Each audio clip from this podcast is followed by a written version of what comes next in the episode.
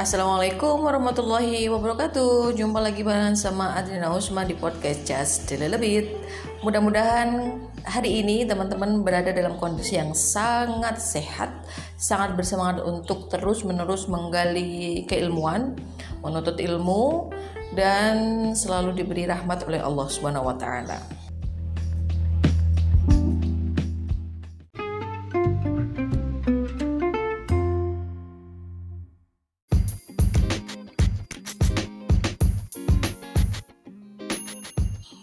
okay, pada kesempatan hari ini mari kita memperbincangkan mengenai psikologi sofistik tapi dari perspektif pemikiran Sachiko Murata dalam buku The Tao of Islam. Jadi teman-teman, eh, keuntungan dari kita belajar psikologi sofistik itu kita akan melihat pembahasan yang sama yang selama ini dijelaskan dalam keilmuan tasawuf itu, tetapi kemudian kita uh, kaitkan atau kita hubungkan dengan rumpun keilmuan lain atau pemikiran-pemikiran dari lintas bisa lintas etnis, lintas budaya, lintas uh, keilmuan, bahkan juga lintas agama gitu. Termasuk misalnya ini Taoisme salah satu paradigma berpikir yang dikenal oleh orang-orang yang ada di uh, yang menjadi kepercayaan orang-orang Jepang. Termasuk salah satu tokoh yang juga sangat uh, antusias membahas tasawuf atau sufism itu adalah salah satunya misalnya uh, Toshihiko Itsutsu yang beliau mengatakan bahwa sebenarnya prinsip dari Taoisme itu adalah sufisme itu sendiri. Jadi termasuk bagaimana uh, praktek kehidupan yang totalitas melakukan penyerahan diri terhadap Allah, terhadap Tuhan. Uh, kemudian ada usaha untuk menafikan diri ya, kemudian uh, menjauhkan diri sedemikian rupa dari nafsu-nafsu kebinatangan, nafsu-nafsu yang menghantarkan seseorang pada perilaku-perilaku yang negatif, termasuk juga penggemblengan jiwa, misalnya uh, kalau dalam kejauhan kan kita kenal dengan istilah tirakat ya. Kalau dalam bahasa tasawuf ya kita kenal dengan torekoh itu. Kalau di torekoh kan kita melakukan penggemblengan jiwa yang sedemikian rupa, misalnya melakukan wirid sekian ribu misalnya kemudian kholwat 40 hari misalnya. Kalau di kejawen itu ada tirakat poso mute poso apa poso apa begitu kan? Nah kalau di tradisi keagamaan yang dianut oleh orang-orang Hindu misalnya atau Buddha itu juga mengenal dengan kegiatan yang seperti itu. Misalnya apa? Tidak memakan misalnya yang dilakukan oleh para biksu ya yang juga puasa atau tidak uh, mengkonsumsi eh, apa ya olahan makanan yang berasal dari hewan misalnya hanya memakan yang eh, vegetarian aja atau bahkan ada juga komunitas yang tidak memakan makanan yang berasal dari sesuatu yang bernyawa. Nah, padahal tanaman itu sebenarnya juga bernyawa juga ya. Terus ini makanya apa kalau nggak makan daging juga nggak makan nasi juga nggak makan tanaman ya dan lain sebagainya. Nah tapi pokok pentingnya itu adalah praktek praktek-praktek kehidupan itu sebenarnya muaranya itu hampir sama. Muaranya apa? Terkait dengan bagaimana jiwa ini perlu ditempa sedemikian rupa digembleng sedemikian rupa agar jiwa ini tidak tidak kemudian manja tidak kemudian memiliki ketergantungan terhadap apa-apa di sekitar kita gitu. Jadi orang-orang yang seperti ini tuh wani ngeleh, wani orang duit duit misalnya. Berani menjalani kehidupan-kehidupan yang jauh dari kesan kemewah kemewahan dalam hal duniawiyah gitu. Semata-mata untuk melatih jiwanya agar itu tadi kalau bahasa tasawufnya itu zuhud, agar zuhud. Kalau bahasa uh, mereka ya agar tidak apa namanya terlena dengan kehidupan dunia yang sering kali menipu begitu. Oke, kita kembali pada pembahasan Sachiko Murata dalam buku The Tao of Islam. Sebenarnya lebih menarik lagi kalau teman-teman uh, pernah baca buku tentang The Tao of Islam ini sebenarnya. Jadi bisa langsung ketemu dengan sumbernya ya.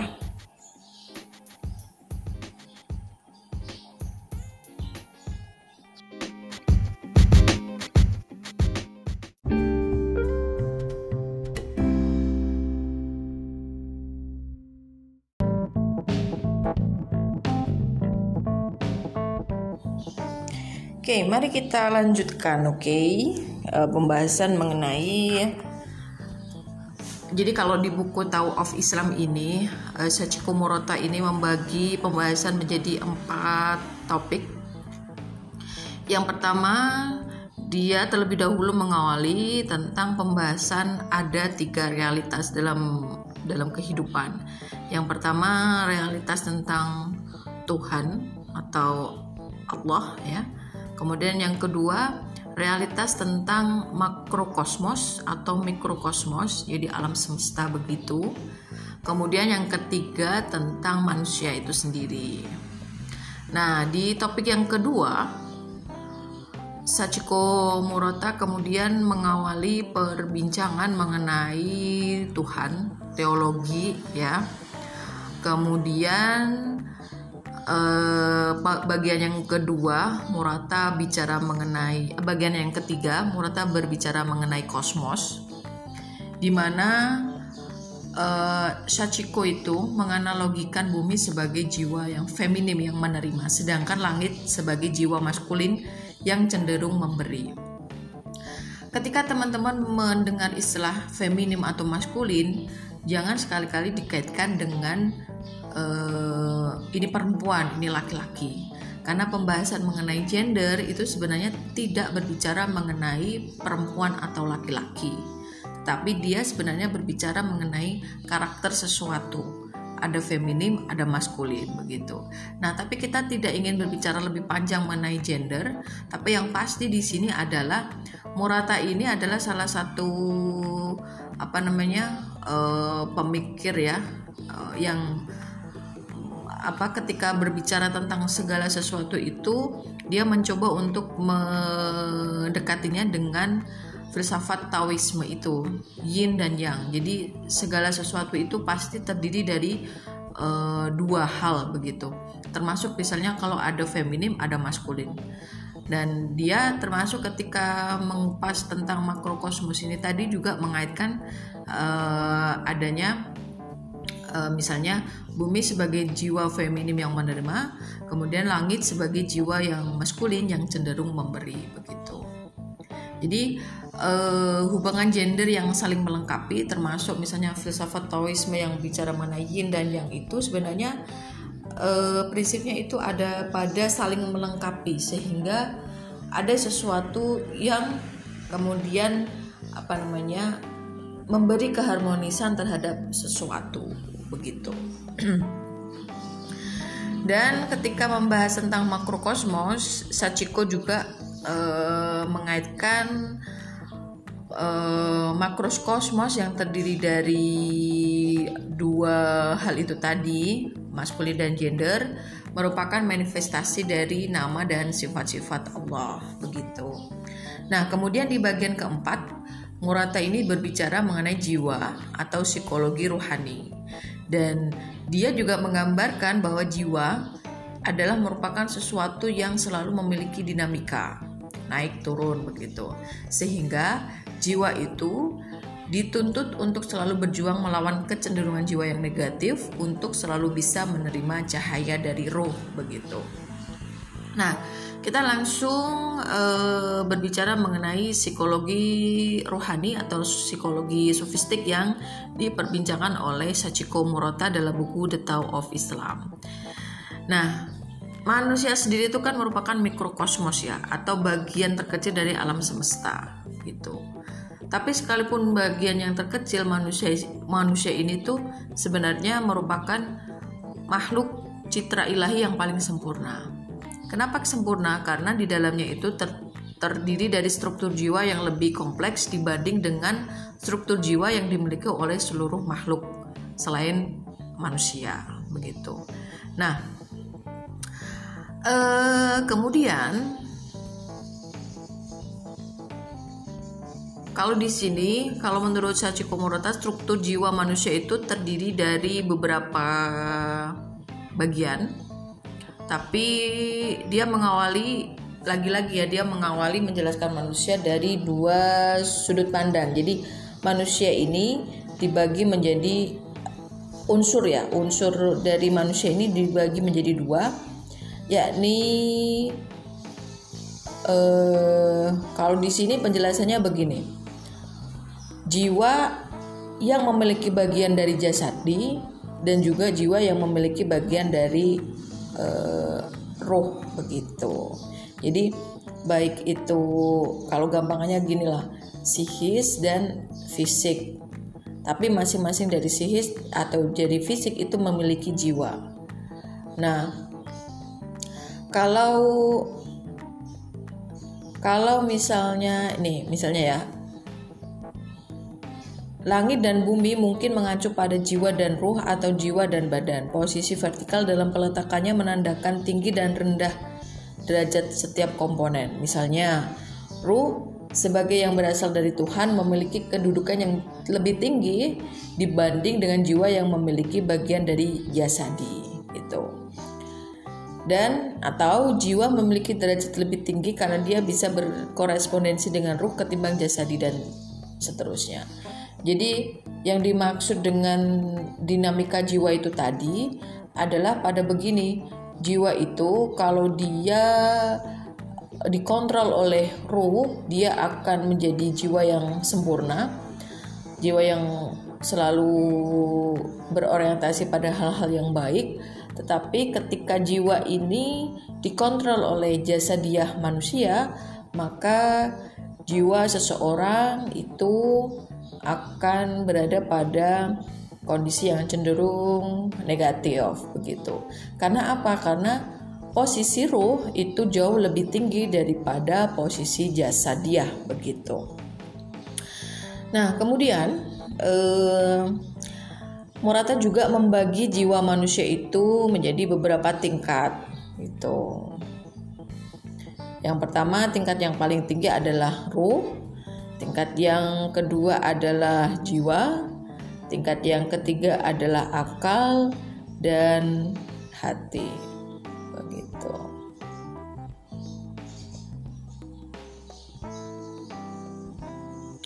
Oke, mari kita bahas tentang roh.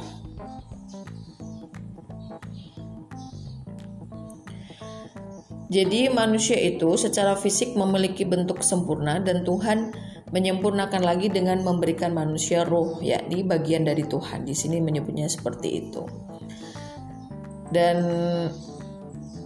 uh, di buku tersebut Sachiko mengatakan bahwa makna ganda dari ruh muncul dalam beberapa ayat Al-Quran di mana ruh manusia disebut-sebut. Sebab ini semua menjelaskan bahwa apa pun bentuk hubungan antara ruh Tuhan dengan Tuhan ruh ini berasal dari ruh Tuhan sendiri gitu. Dan Al-Quran ketika membicarakan ruh Tuhan ini dalam tiga ayat dikaitkan dengan penciptaan manusia. Misalnya Tuhan dikatakan membentuk tanah liat Adam lalu meniupkan sesuatu dari rohnya sendiri itu.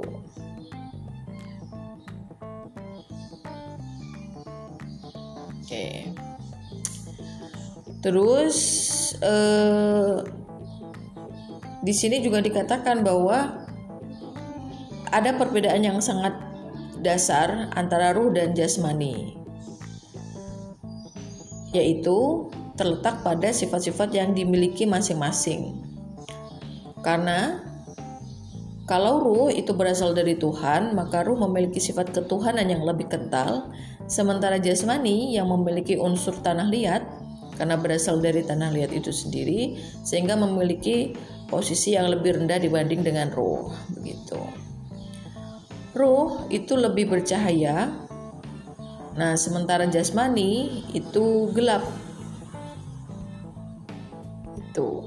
Perbedaan ini jelas adanya karena dua substansi ini itu berasal dari sumber yang berbeda. Begitu. Nah, kemudian mari kita lanjutkan ke pembahasan mengenai jiwa. Kalau jiwa ini eh mengandung pula pengertian nafas bila dikaitkan dengan dorongan-dorongan yang bersifat khusus atau dorongan-dorongan umum yang pada manusia yang bersumber pada naluri atau insting manusia. Terkadang jiwa itu juga disebut sebagai nafas atau nafsu itu ketika jiwa itu kemudian mendorong seseorang untuk melakukan sesuatu bisa baik bisa buruk gitu. Nah, di sini ditambah dengan yang bersumber dari naluri atau insting manusia. Nah, sementara menurut Ibnu Sina, jiwa itu merupakan tabiat yang berbeda dari jasmani dan merupakan hubungan tersendiri. Tuh. Jiwa itu adalah bukan materi dan tidak bisa dianggap sebagai fungsi dari materi. Tuh. Nah, Menurut Murata, para sufi biasanya memandang ruh memiliki kaitan erat dengan Tuhan, sedangkan jiwa atau nafas itu mewakili manusia.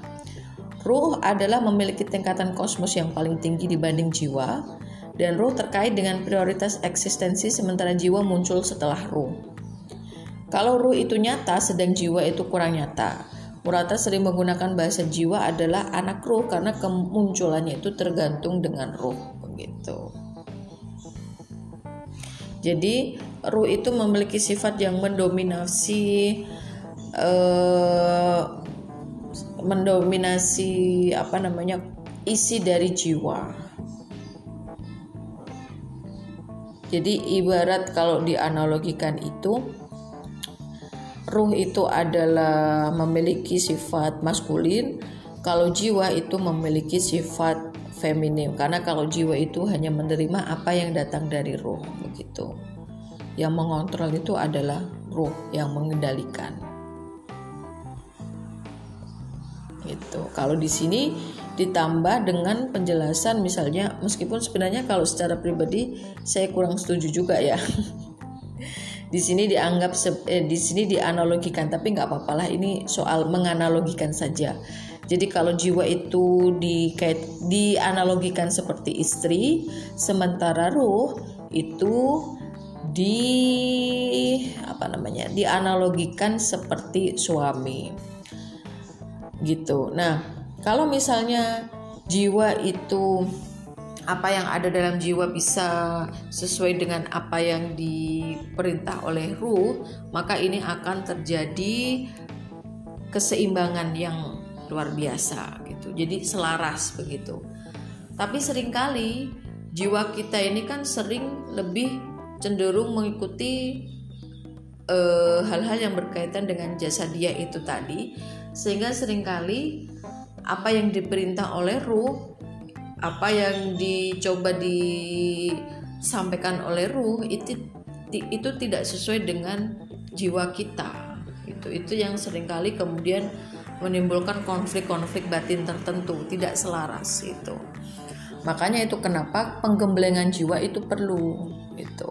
Dalam rangka apa? Dalam rangka kita bisa melakukan penyesuaian-penyesuaian terhadap ruh kita sendiri, fitrah kita sendiri itu.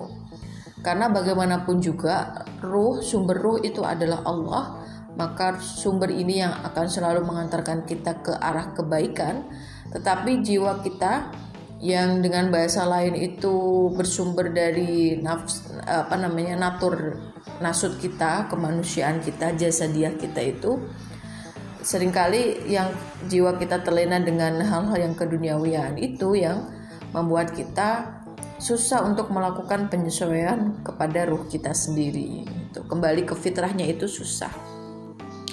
Ketika kita menginginkan sesuatu misalnya kita cenderung memilih untuk melakukan kebohongan-kebohongan dan tidak memilih untuk melakukan kejujuran.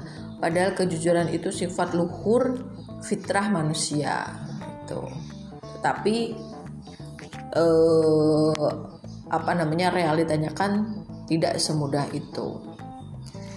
Oke kemudian ada istilah akal juga. Kalau akal ini eh, Para sufistik selalu mengaitkan kebaikan akal dengan para nabi yakni yang memberi petunjuk hudan atau hidayah yang juga merupakan sifat ilahi. Jadi akal itu memiliki sifat-sifat positif yang akan memberikan petunjuk pada kebahagiaan manusia. Karena kesesatan dan e, kekeliruan itu akan selalu menuntut manusia menuju kesengsaraan.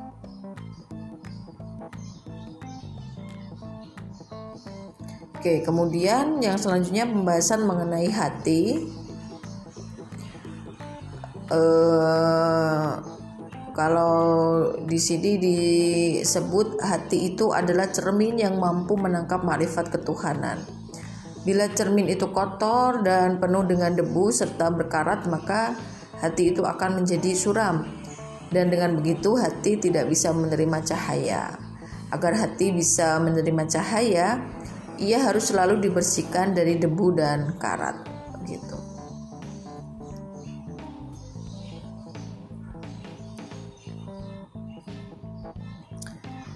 Oke, okay. mudah-mudahan penjelasan yang singkat dari saya bisa memantik rasa ingin tahu teman-teman karena pasti apa yang sudah saya jelaskan ini masih banyak hal yang mungkin menjadi pertanyaan teman-teman dan saya berharap seperti itu sehingga itu nanti yang akan memantik teman-teman untuk memikirkan, memikirkan sesuatu kemudian menyajikan pertanyaan-pertanyaan. Saya simpulkan sedikit ya. Jadi Sachiko Murata itu menggambarkan secara psikologi bahwa kejiwaan para sufi atau kejiwaan orang-orang yang berjalan melakukan suluk-suluk tertentu agar semakin dekat dengan Allah uh, dan ingin mencapai tahapan yang tertinggi yakni bersatu dengan Allah atau dekat dengan Allah dan di mana dimensi batin manusia itu digambarkan secara vertikal antara ruh, jiwa, akal dan hati. Ruh dia gambarkan sebagai dimensi batin yang tertinggi dan ruh memiliki hubungan dengan jiwa. Jiwa adalah bagian dari jasmani atau struktur agawi, namun jiwa bukan jasmani karena jiwa bisa berhubungan dengan roh, begitu. Ibaratnya tuh beginilah, eh, kenapa jiwa itu bisa dikaitkan dengan jasmani, tetapi jiwa itu bukan apa namanya, jiwa itu bukan jasmani itu misalnya kemarin ada pertanyaan uh, dari kawan kan, misalnya pertanyaan yang kalau misalnya kita itu terpeso ya bu yang sakit itu jiwa atau fisiknya. Nah gini ha, uh, hanya karena kita punya jasad ini saja kita bisa merasakan sakit gitu. Kalau misalnya kita bisa uh, apa namanya kalau misalnya kita nggak punya jasad ya kita nggak sakit kita nggak bisa merasakan sakit itu apalagi kalau rasa sakit itu kan karena ada syaraf-syaraf tertentu ya. Kalau misalnya syaraf itu tidak syarafnya udah mati itu pun juga kita tidak bisa merasakan sakit itu itu kalau sakit karena tersayat atau eh, apa namanya sakit misalnya terbakar atau terpeso atau misalnya sakit perkara hal-hal yang itu menyentuh fisik kita begitu itu berarti yang sakit itu fisiknya tetapi jiwa kita bisa merasakan sakit gitu. tetapi kalau misalnya fisik kita tidak memiliki syaraf atau syarafnya itu mati ya itu tidak akan terasa kan dalam tubuh kita sehingga tidak direspon oleh jiwa kita. Nah, terus ada lagi nih kasus kita mendengar omongan seseorang yang itu kemudian menyakiti hati kita. Kok hati kita juga sakit ya? Kadang tuh kalau kita bilang hati sakit tuh kita sambil memegang dada ya. Padahal hati itu kan di daerah bawah kan, di atas lambung gitu tidak di yang sering kita pegang itu kan malah lebih ke jantung bukan hati. Nah, ini juga menjelaskan bagaimana antara fisik dengan jiwa kita itu saling mempengaruhi. Jadi sebenarnya fisik itu lebih berbicara mengenai sarana saja atau media kita merespon, media kita bisa merespon hal dunia lain di luar kita. Begitu. Ketika kita mendengar suara seseorang dan itu menyakitkan kita, kita mendengar melalui telinga kita Tentu bukan karena telinga kita ini kemudian disobek atau dibakar kita merasakan sakit kan tidak. Nah, telinga itu hanya sebagai perantara, kemudian direspon oleh otak kita dan direspon oleh struktur kejiwaan kita, direspon oleh jiwa, direspon oleh pola berpikir kita, sehingga eh, itu menimbulkan efek-efek tertentu yang kemudian dijawab oleh fisikly kita ya karena kalau membahas jiwa itu mesti berkaitan dengan otak, struktur otak kita. Nah, struktur otak kita itu berkaitan dengan sistem metabolisme dalam tubuh kita. Ketika kita tidak suka eh, dalam tubuh kita itu mengirim sinyal ke otak, kemudian eh, sinyal di otak itu meresponnya dengan uh, mengeluarkan hormon-hormon tertentu supaya itu sebenarnya dalam rangka menstabilkan fisik kita. Misalnya responnya itu dat, apa jantung berdegup dengan kencang atau misalnya nafas kita uh, nafasnya jadi cepat misalnya. Nah, itu bagian dari yang membuktikan bahwa ada hubungan antara jiwa dengan fisikly manusia. Begitu. Itu kenapa di sini dijelaskan bahwa e, jiwa itu menjadi bagian dari jasmani, tetapi jiwa itu bukan jasmani. Begitu. Atau juga orang-orang tertentu itu bisa pada akhirnya mengendalikan ragawi mereka, bisa mengendalikan jasmaniah mereka orang-orang yang misalnya terbiasa untuk puasa, terbiasa untuk menggembleng jiwanya agar tidak mudah lapar, itu juga mampu mengendalikan perutnya agar tidak keroncongan sedemikian rupa misalnya. Itu juga menjelaskan bahwa antara jiwa dan fisik itu terkait satu sama lain. Begitu.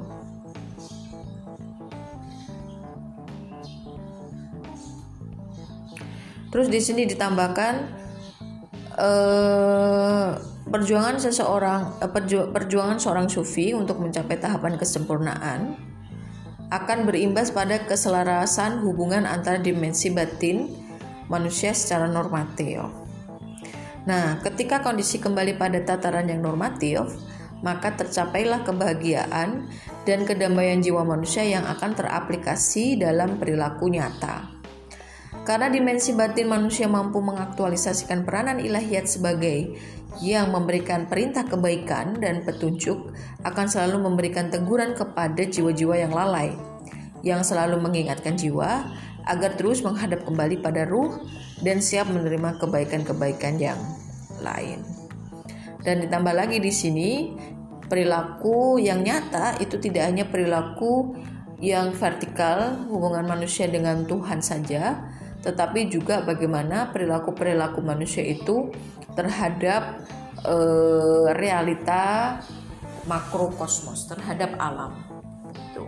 Orang-orang yang mampu melakukan penggebelengan jiwa sedemikian rupa, maka akan melah akan ciptakan perilaku manusia yang sempurna juga. Jadi tidak hanya sempurna vertikal Tuhan, tetapi juga mampu melakukan kebaikan-kebaikan terhadap alam semesta. Itu itu penjelasan psikologi sofistik atau psikologi rohani dari pemikiran Sachiko.